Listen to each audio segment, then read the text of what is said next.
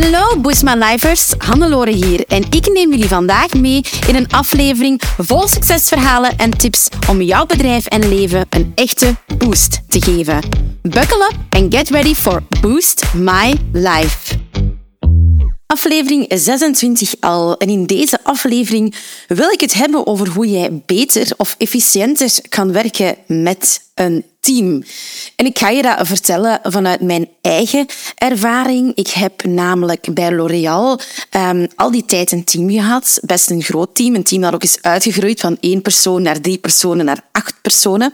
Ik heb daar heel veel opleidingen gekregen, leadership trainings, waar ik heel dankbaar voor ben. Want dat helpt mij natuurlijk vandaag ook bij het managen van het Boostways team. Dat ondertussen ook al best een groot team is geworden van vier vaste medewerkers en eigenlijk ook nog eens een aantal jobstudenten, een aantal freelancers. Dus laat ons toch wel zeggen dat we op een gemiddelde basis met zes à acht personen zijn.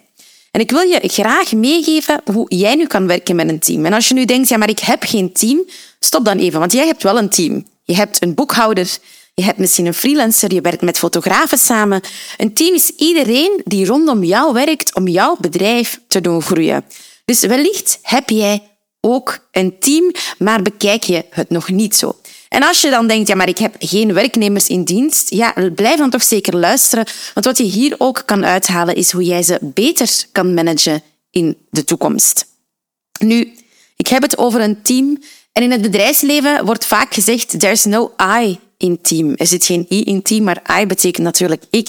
En dat is meteen de grote challenge die ik zie wanneer ik zelf coaches coach op teammanagement. Want ik help ook andere ondernemers met het uitbouwen van hun team, het verbeteren van de relaties in hun team. En ja, there is no I in team. En dat is heel moeilijk, want als ondernemer, ja, is jouw onderneming jouw baby. Je hebt bijna een moeder-kindrelatie met jouw onderneming, waardoor het vaak moeilijk is om los te laten. En Vee komt hier ook even in de micro miauwen. En dat is dus een grote challenge. En ik wil jou vandaag drie tips meegeven over hoe jij makkelijker en efficiënter jouw team kan managen, kan begeleiden, kan doen groeien. Want als je natuurlijk jouw team in de goede richting krijgt, als jouw team echt begint te functioneren, dan is dat echt de accelerator voor jouw groei. Want je kan het natuurlijk niet allemaal zelf doen. Je kan als ondernemer niet alles alleen. En dat is dus waar ik het over ga hebben met de drie concrete tips. En de eerste tip heeft te maken met leer loslaten. En dat is eigenlijk meteen de belangrijkste. Als jij wilt werken met een team, dan zal het belangrijk zijn om te leren loslaten. Te leren begrijpen, accepteren dat je zelf niet alles in de hand kan hebben. En dat wanneer je met een team werkt, misschien niet alles op de manier gebeurt dat jij het zou willen. Loslaten is de sleutel tot succes, want je kan gewoon niet alles alleen doen en niet iedereen kan een perfecte kopie van jou worden. Mensen hebben natuurlijk een, eigen, een eigenheid, ze doen dingen op hun manier. En loslaten wil dus zeggen dat je ook leert dat 90% perfect vaak goed genoeg is. Wat voor jou 100% perfect is, dat is vaak onhaalbaar voor anderen. Maar ook jouw klanten, jouw consumenten zien dat niet. Die zien niet dat 90% perfect maar is. Die zien dat dat goed genoeg is. Accepteer dus dat het resultaat goed genoeg is en niet perfect is. Want als jij perfectionisme vraagt van jouw team, dan gaat dat heel verstikkend werken. Accepteer ook dat anderen misschien de dingen anders doen dan dat jij ze zou doen. Ik hoor heel vaak ondernemers zeggen, ja, maar als ik dan iemand heb, die moet dat exact doen zoals mij en die doet daar dan langer over. Ja, maar het is het resultaat dat telt. Niet iedereen is zoals jij. Jij hebt een bepaalde ervaring, je hebt een bepaalde routine opgedaan en niet iedereen werkt gewoon op dezelfde manier. Probeer dus te kijken naar het resultaat en laat de manier waarop dat, resultaat bekomen wordt los. Uiteraard zijn er een aantal dingen waaraan voldaan moet worden, daar ga ik het later nog over vertellen. Maar probeer los te laten dat anderen het anders doen. En kijk dus naar het resultaat. En als dat resultaat goed genoeg is, ga dan door, want dat is waar groei ligt. Probeer dus geen controlefreak te zijn. Hè. Probeer geen micromanager te zijn, zoals we vaak wel zeggen in management.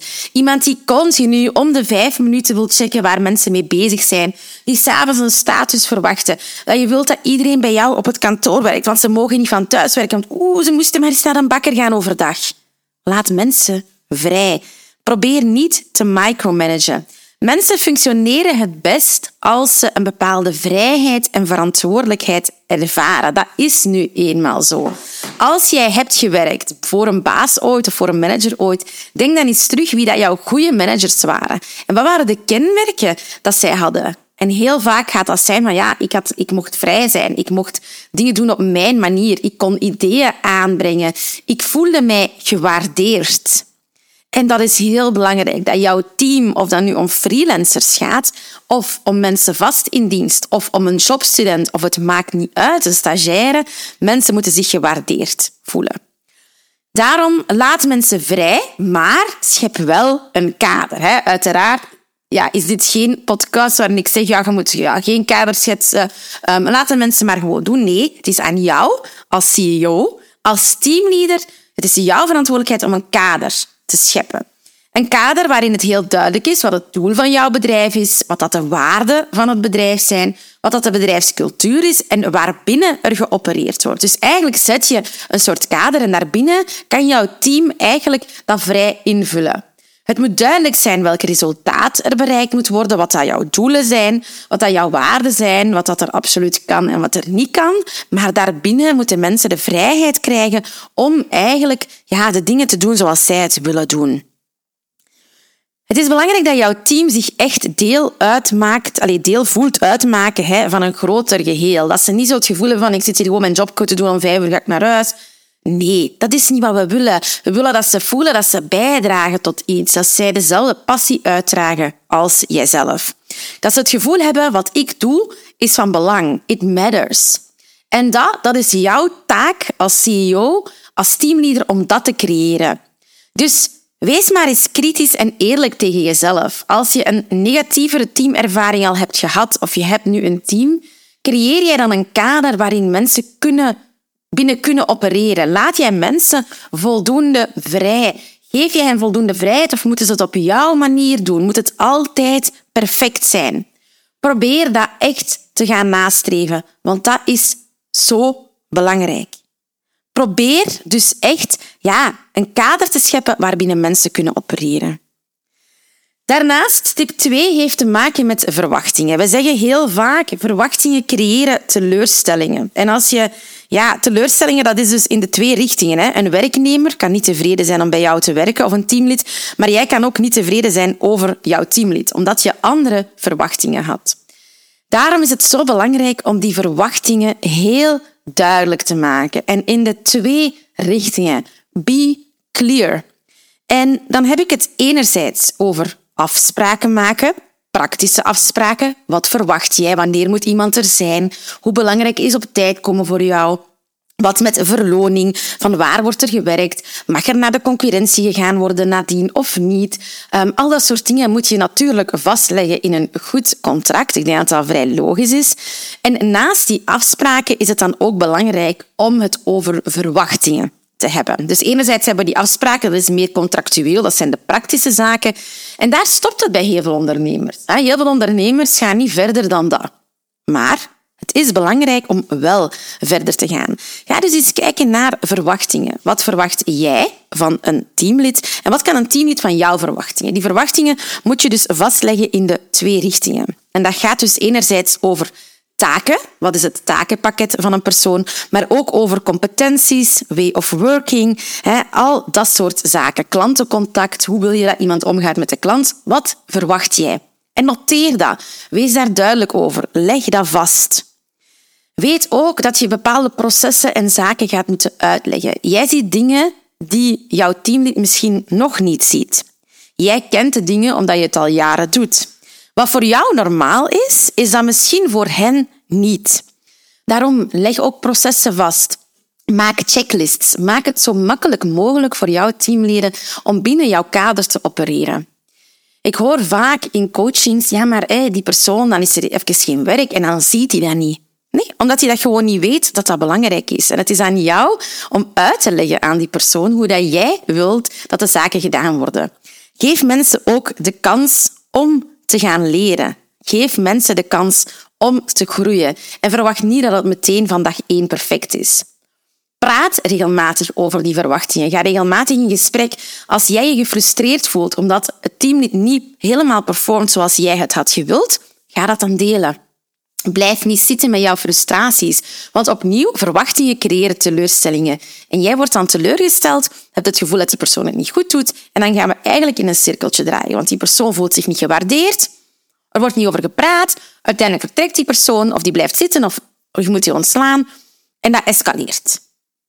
Verwachtingen creëren teleurstellingen, dus wees duidelijk over verwachtingen en als ze niet worden ingevuld, ga dan het gesprek aan en zoek naar oplossingen. Er zijn zoveel oplossingen, ze liggen zo vaak om de hoek, dus ga daarmee aan de slag. Tot slot tip 3, evalueer. Heel vaak merk ik dat mensen met een team werken, freelancers of vast in dienst, en dat er geen formele evaluatie is. Hoe kan je verbeteren, groeien als bedrijf of als teamlid als je niet weet wat er van jou verwacht wordt, maar als, het ook niet, als er niet over gepraat wordt en als het niet gemeten wordt? Waar ik het meeste op werk met mijn coaches is het zetten van KPI's, key prestatieindicatoren of een manier om de performance bij te houden. En het is belangrijk om die KPI's op te stellen. Je kan dat zowel op individueel niveau doen als op teamniveau. Als je dat op individueel niveau gaat doen, dan ga je dus op zoek naar meetbare KPI's. Wat wil je dat die persoon bereikt en welke macht heeft hij in handen om dat te doen bereiken? Want het is natuurlijk belangrijk dat je KPI's zet op iets dat iemand ook effectief kan verwezenlijken. Ik neem een voorbeeldje bij ons. Nina doet um, de marketing en Nina heeft een aantal KPI's op omzet uit lanceringen, um, aantal volgers, um, de groei van onze e-maillijst enzovoort. Zaken waarop zij meteen een impact heeft. Door concrete meetbare KPI's op te stellen, weet ze ook meteen waar ze staat, maar wordt Nina ook uitgedaagd om verantwoordelijkheid te nemen. Zij krijgt van mij ook het mandaat om te doen wat er moet gebeuren om die KPI's te bereiken en om daar met mij over in gesprek te gaan. Ik deel dus de verantwoordelijkheid, ik deel dus de strategische verantwoordelijkheid met mijn team, waardoor zij meer ownership nemen en zo ook kunnen groeien. Daarnaast is het ook belangrijk om um, KPI's te zetten op bijvoorbeeld competenties, taken. Zo heeft mijn team competenties um, KPI's op competenties zoals project management bijvoorbeeld, zoals content marketing. En ook daar kan je duidelijk zijn in over wat je verwacht.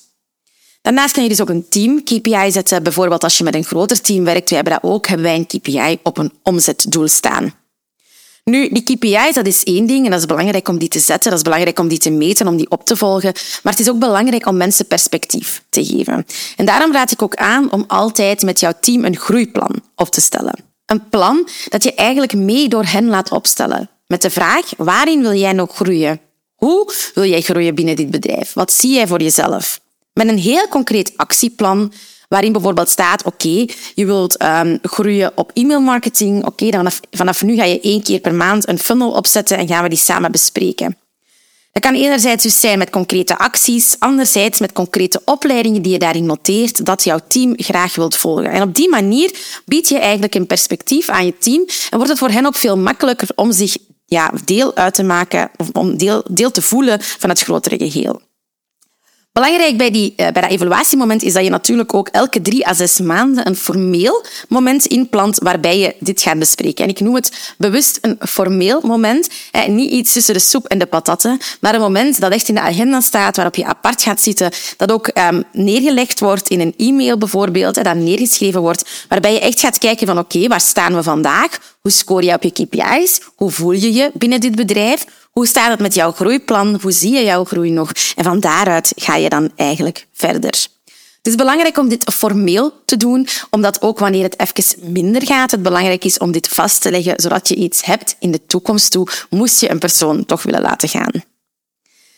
De drie tips hè, zijn dus leren loslaten, ja, creëer een duidelijk kader met duidelijke verwachtingen en tot slot evalueer. En onthoud vooral dat jij als manager, als teamleader geen vrienden moet zijn met jouw team. Je hoeft niet op hetzelfde niveau te staan. Wat ook niet wil zeggen dat jij baas-baas moet zijn en heel streng moet zijn. Het is belangrijk om dat kader te scheppen. Een kader dat voor jou werkt en een kader dat tegelijkertijd voor jouw team werkt. Wil je hier graag meer over weten, dan kan je alles nog eens nalezen, uiteraard, op onze website. En ja, als je een team hebt en je wilt hiermee aan de slag gaan, stuur mij dan een privéberichtje en dan kijk, kijk ik graag wat er mogelijk is, want uh, teamcoaching is een van de zaken die ik het liefste doe. Dus um, ja, contacteer mij gerust. Ik hoop dat jij het super interessant vond. Laat het mij zeker weten en dan zie ik jullie later terug. Bye bye. Zo, dat was het alweer voor deze Boost My Life aflevering. Super fijn dat je erbij was. Merci. Heb je genoten van deze aflevering en een echte boost ervaren? Deel hem dan gerust met je collega-ondernemers, familie en vrienden of abonneer je op deze podcast. Delen in je socials is extra lief. Voor meer tips en tricks om jouw onderneming te boosten, volg je ons op je favoriete social media kanaal op boostways.be of bezoek je onze website www.boostways.be. Heel erg bedankt en tot de volgende keer. Let's boost your business, let's boost your life.